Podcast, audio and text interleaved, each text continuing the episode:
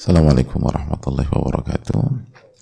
بسم الله الرحمن الرحيم. الحمد لله رب العالمين وبه نستعين على أمور الدين والدين والصلاة والسلام على أشرف الأنبياء والمرسلين وعلى آله وصحبه ومن سار على نهجه بإحسان إلى يوم الدين وبعد.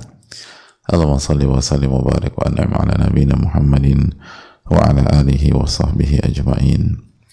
Hadirin Allah muliakan Alhamdulillah kita panjatkan puji dan syukur kita kepada Rabbul Alamin atas segala nikmat yang Allah berikan dan Allah limpahkan kepada kita. Sebagaimana salawat dan salam semoga senantiasa tercurahkan kepada junjungan kita Nabi kita Muhammadin alaihi salatu wassalam beserta para keluarga, para sahabat dan orang-orang yang istiqomah berjalan di bawah naungan sunnah beliau sampai hari kiamat kelak. Hadirin Allah muliakan Allah Subhanahu berfirman, "Wa rabbi zidni ilman." Dan katakanlah, "Ya Allah, berikanlah aku tambahan ilmu." Allah perintahkan untuk berdoa minta tambahan ilmu. Ilmu nafi, ilmu yang bermanfaat. Ilmu yang diamalkan, ilmu yang dituntut dengan ikhlas lalu berusaha diperjuangkan dan diamalkan sehingga mendapatkan manfaat di dunia dan di akhirat. Dan uh, ini perintah untuk menambah ilmu nafi itu harus meningkat dari waktu ke waktu. Ilmu nafi itu nggak boleh stagnan. Ilmu nafi itu harus terus berkembang.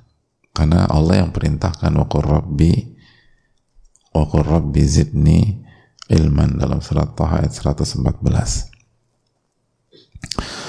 oleh karena itu sekali lagi kita meminta kepada Allah meminta kepada Allah subhanahu wa ta'ala Rabbi zidna ilman. Ya Allah berikanlah kami tambahan ilmu yang bermanfaat dan salah satu ikhtiar salah satu perjuangan untuk menambah ilmu yang bermanfaat adalah duduk di majelis dan berinteraksi dengan para ulama dan karya-karya ulama sehingga kita bisa menambah bukan hanya pengetahuan tapi juga iman dan menambah ketakwaan menambah amalan dan secara grafik kita akan lebih baik dan lebih baik lagi dengan segala pertolongan Allah Subhanahu wa taala. Dan hadirin Allah muliakan.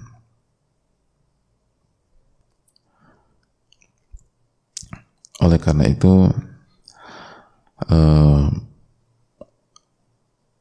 ahli ilmu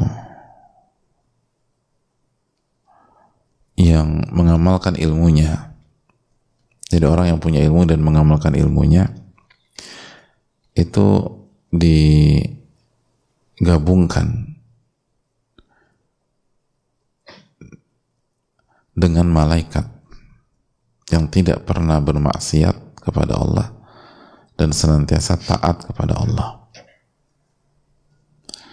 Ini keterangan Al-Imam Ash-Shatibi rahimahullah.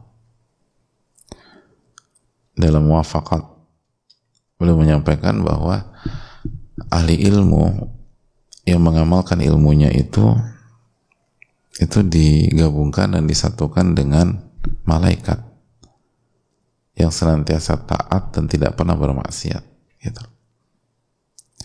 Allah berfirman dalam surat Ali Imran ayat 18 syahidallahu annahu la ilaha illahu wal malaikatu wa ulul ilmi qaiman bil qisti la ilaha illahu Allah bersaksi bahwa tidak ada yang berhak diibadahi kecuali dirinya dan malaikat pun bersaksi. Dan ulul ilmi dan ahli ilmu.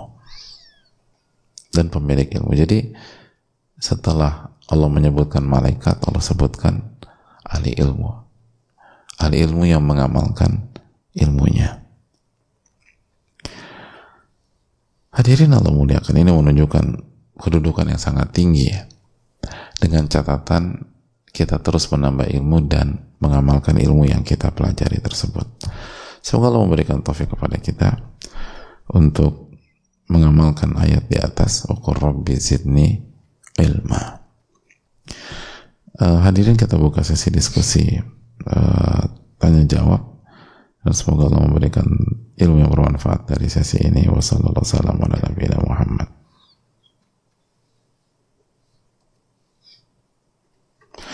Assalamualaikum warahmatullahi wabarakatuh. Suami saya pemarah dan suka berkata kasar. Setiap hari kata-kata kasar lengkap dengan perumpamaan binatang.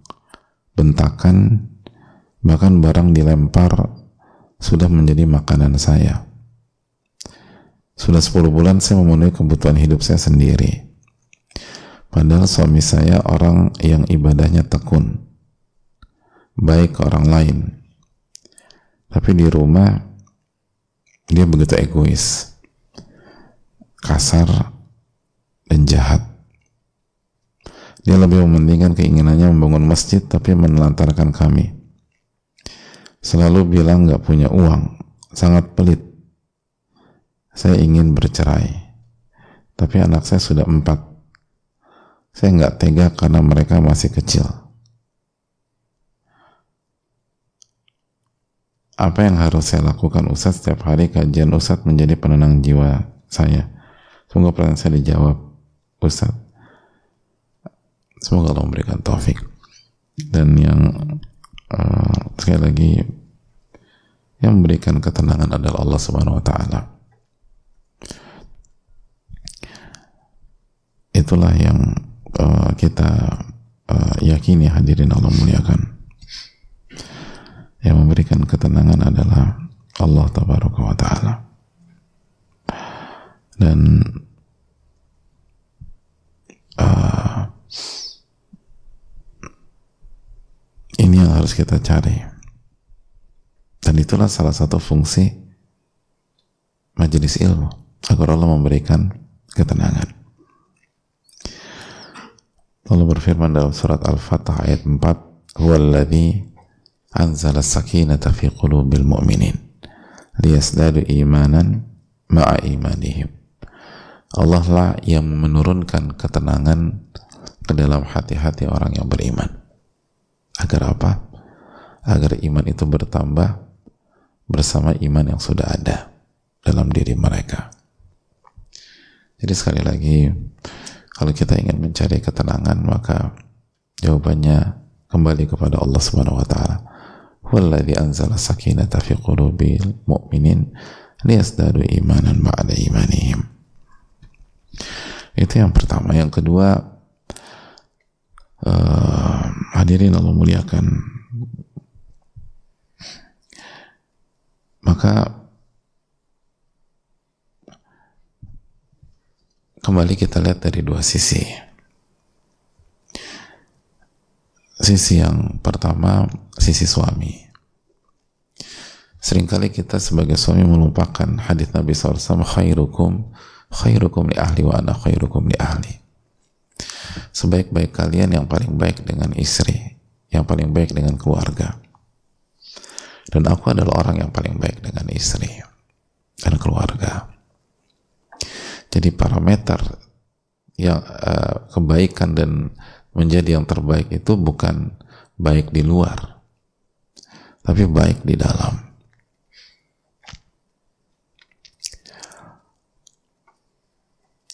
Kenapa demikian? karena di dalam tuh nggak ada sandiwara. Di luar tuh masih bisa sandiwara kita. Bahkan mungkin mayoritas kita sandiwara. Tapi di dalam nggak ada sandiwara. Mungkin ada satu dua hal yang ditutupi tapi secara laki-laki atau suami itu nggak akan bersandiwara dari A sampai Z dengan di. Satu dua hal mungkin ada. Itu pun nggak semua suami punya kemampuan demikian. Tapi tapi dari sisi cara memuliakan, cara bersikap, perhatian dan lain sebagainya, tapi itu itu asli dan naturalnya atau otentiknya suami. Maka kalau dia bisa baik di dalam maka insya Allah dia akan baik di luar itu poinnya. Dia bisa baik di dalam dia akan baik di luar bismillah jadi pertanyaannya tujuan kita baik di luar itu apa sih itu kalau memang uh, personal branding pencitraan itu itu sudah tidak perlu kita bicarakan lagi. Gitu dan kita tahu bagaimana uh, Allah Subhanahu wa taala itu nggak suka dengan orang yang ingin menikah, meninggikan diri dan berbangga-bangga diri. Dan itu dikhawatirkan menggagalkan tujuan kita masuk ke dalam surga. Kan itu yang Allah firmankan dalam surat Al-Qasas ayat 83. Tilka darul akhirah naj'aluha lilladzina la yuriduna uluwan fil ardi wala fasada. Wal aqibatu lil muttaqin. Itulah itulah kehidupan akhirat atau kampung akhirat surga yang Allah siapkan untuk orang-orang yang tidak ingin menyombongkan diri, membangga-banggakan diri di kehidupan dunia dan berbuat kerusakan di muka bumi. Dan ending selalu untuk orang-orang bertakwa. Wal aqibatu lil muttaqin. Jadi kalau tujuan kita baik di luar untuk berbangga diri, per, uh, menyombongkan diri, itu justru akan menghancurkan akhirat kita. Sebagaimana ayat di atas uluwan fil ardi wala fasada wal aqibatu lil muttaqin Adapun kalau tujuan kita berbuat baik di luar karena Allah untuk mendapatkan ridho Allah, untuk dipuji oleh Allah, untuk mendapatkan wajah Allah, maka parameternya kita harus baik dulu di dalam dengan istri. Gitu. Jadi kalau tujuannya benar-benar karena Allah, kenapa kita nggak baik di dalam? Itu aja. Jadi ini yang perlu kita tanamkan bersama-sama hadirin sekalian. Dan hadirin yang Allah muliakan bahwa kalau kita bisa royal ke luar, maka kita harus bisa lebih lagi memperhatikan kebutuhan keluarga atau istri kita. Karena hadisnya kan sudah kita pelajari. Wa dinarun anfaqtahu fi sabilillah. Satu dinar yang engkau infakkan di jalan Allah, satu dinar yang kau berikan kepada budak, satu dinar yang kau berikan kepada fakir miskin, satu dinar yang kau berikan kepada istri dan anak, yang paling yang paling besar pahalanya alladzi anfaqtahu ala ahlik. Yang kau berikan kepada yang kau berikan kepada keluargamu. Itu poin. Bayangkan memberikan uang ke istri atau menyukupkan kebutuhan dibanding berinfak kepada fakir miskin itu lebih tinggi pahalanya kepada istri. Makanya kesalahan para suami kata para ulama seperti dijelaskan Syekh bin Uthaymin banyak suami itu kalau berinfak keluar tuh merasa beramal soleh tapi kalau kasih uang belanja ke istri kasih nafkah ke istri kayak nggak merasa apa-apa dan itu kesalahan justru pahala di sini lebih besar kata Nabi kita alaihi salatu wassalam. Jadi jamaah yang Allah muliakan. Kembali lagi kita harus merenungkan eh, hal-hal uh, seperti ini. Dan juga yang perlu kita ingat bahwa uh, kekasaran, kata-kata kasar itu bukan sifat orang-orang beriman Man kana yu'minu billahi wal yawmil akhir falyakul khairan aw liyasmut. Barang siapa yang beriman kepada Allah dan hari akhir hendaknya berkata baik atau atau diam.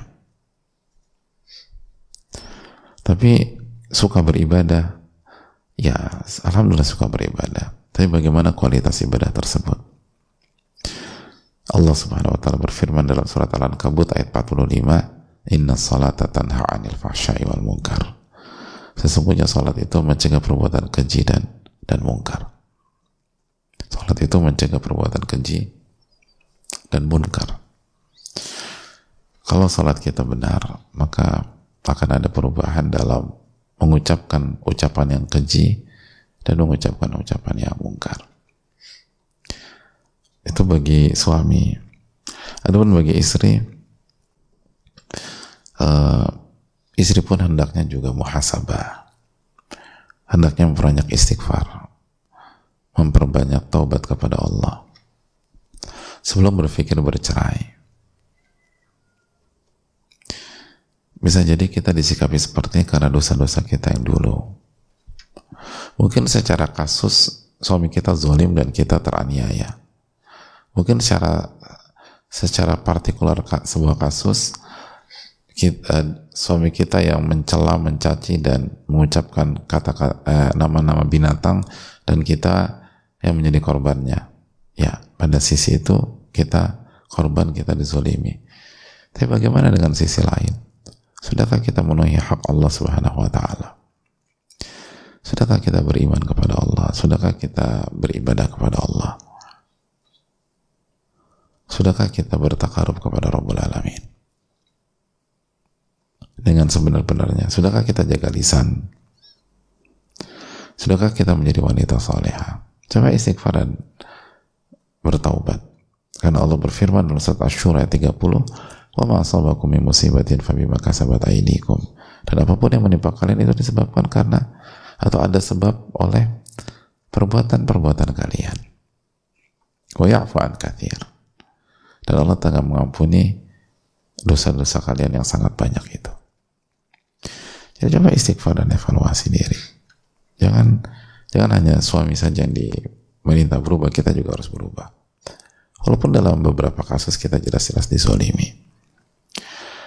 Lalu yang berikutnya, tanamkan iman bahwa rizki anak-anak kita bukan di tangan suami, bukan di tangan A, B, C, dan D. Rizki anak-anak kita itu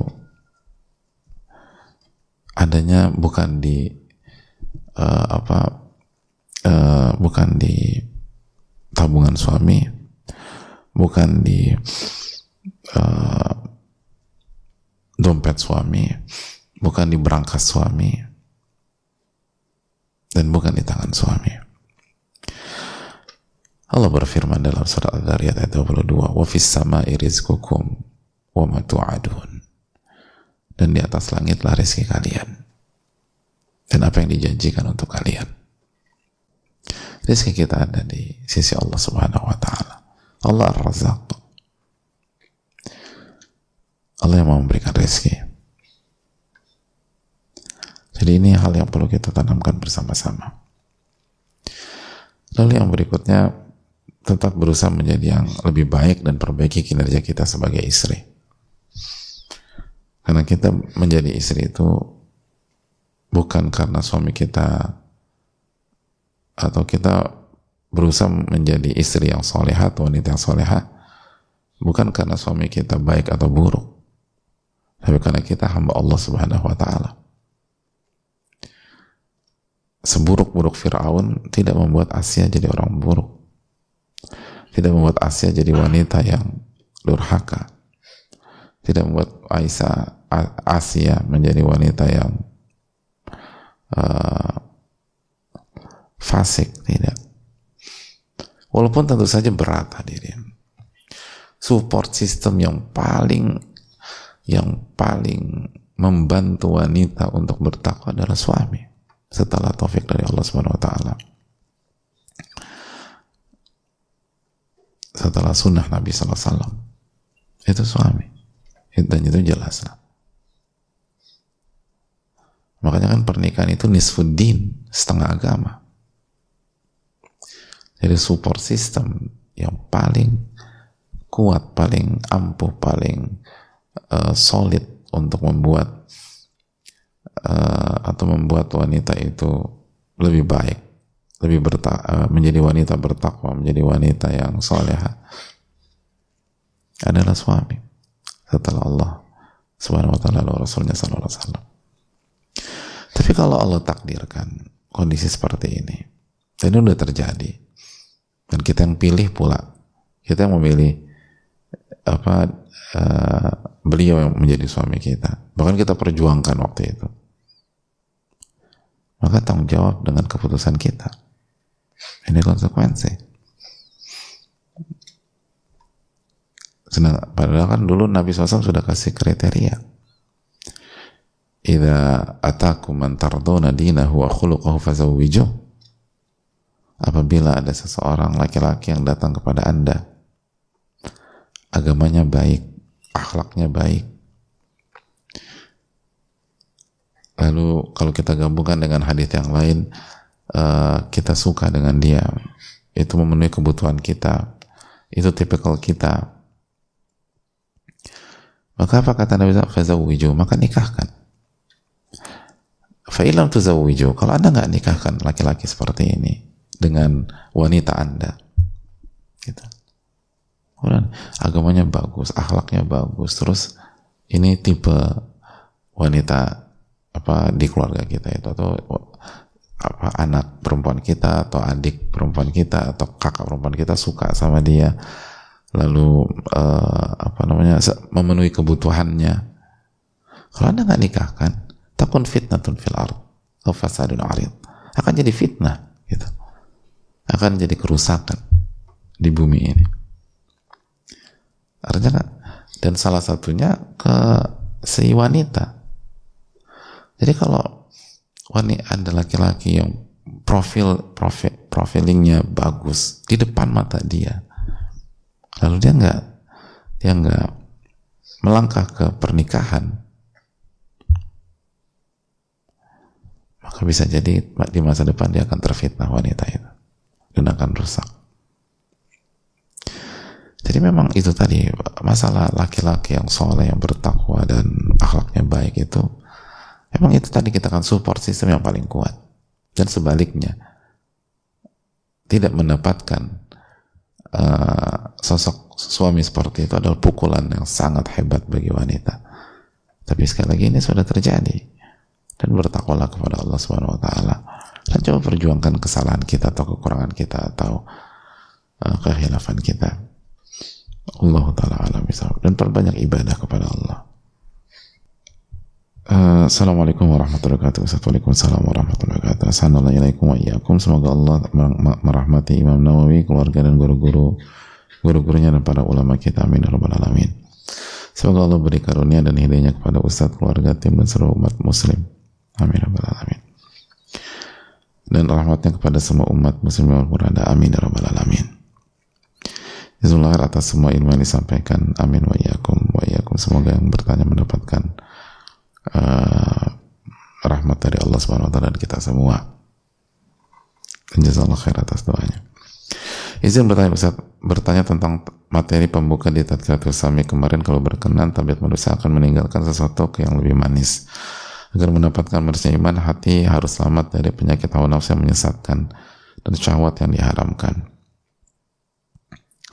Artinya kita harus move on dulu dari hawa nafsu yang tidak pada tempatnya. Baru Allah beri manisnya iman. Iya betul, seperti itu. Kita harus lawan hawa nafsu kita. Kalau kita memperturutkan maka nggak akan dapat. Sebagaimana dijelaskan oleh Al-Hafidh Ibn Rajab dan lain-lain. Makanya kan layas nizani wa, hina yasni wa huwa mu'min. Kapan orang berzina? Ketika dia ngikutin hawa nafsunya. Ketika hawa nafsunya dia biarkan memonopoli dan mengendalikan dia maka dia kehilangan manisnya iman. Jadi simpel itu aja. Kan, makanya zina yang disabdakan karena zina salah satu simbol hawa nafsu yang terbesar. Zina adalah salah satu simbol dan puncak hawa nafsu terbesar. Begitu kita ikuti hawa nafsu kita kita nggak akan dapat manisnya iman misal nak misal hawa nafsu hobi belanja yang di luar kebutuhan. Maka harus bersungguh-sungguh untuk tidak berlebihan dalam belanja dahulu ya. Baru Allah beri manisnya iman. Jazakallah khair terima kasih barakallahu fikum. Terima kasih banyak. Wa iyyakum. Wa fikum barakallah jawabannya iya. Apa kata Allah Subhanahu wa taala dalam surat Al-A'raf ayat 20 ayat, ayat 31 Al-A'raf 31 apa kata Allah? Wa kulu washrabu wa la tusrifu Innahu la yuhibbul musrifin. Dan makan. minumlah. Atau dari awal ya ya bani Adam khudhu zinatakum inda kulli masjid. Wahai anak Adam bawalah perhiasan kalian ketika memasuki masjid ketika beribadah. Jadi bawa perhiasan kalian. Wakulu washrabu dan makan dan minumlah kalian. Jadi ada tiga, ada tiga perintah. Bawa perhiasan kalian makan dan minum. Saya ingin tanya kalau Allah perintahkan kita untuk bawa perhiasan kita berarti pertanyaannya boleh beli perhiasan apa enggak? Nggak boleh. Terus nyolong dapetinnya. Nyuri. Jambret. Enggak. Berarti kan boleh beli. Kalau nggak punya kalau nggak beli ya mungkin bisa dapat warisan atau apa atau dikasih. Emang kita boleh ngarep orang ngasih kita khudhu zinatakum inda kulli masjid. Pendalilan secara mafhum dalam ilmu usul fikih bolehnya beli perhiasan. Khudhu zinatakum inda kulli masjid. Bawalah perhiasan kalian kalau ke masjid kalau ingin beribadah. Jadi kalau kalau mau beribadah tuh bagus gitu loh penampilannya.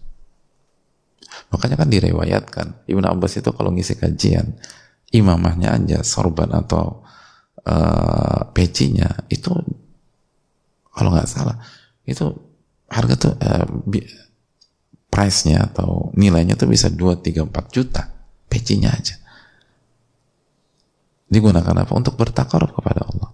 Dan kita kan udah bahas tentang bagaimana para ulama ber, beribadah di 10 malam terakhir di Ramadan dan bagaimana penampilan mereka.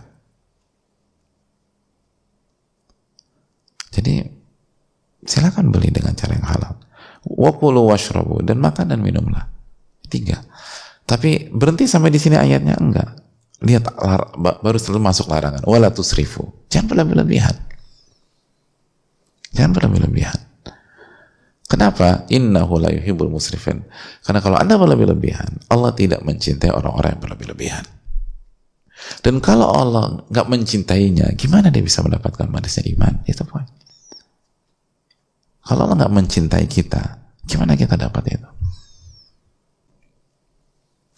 Bagaimana kita dapatkan itu?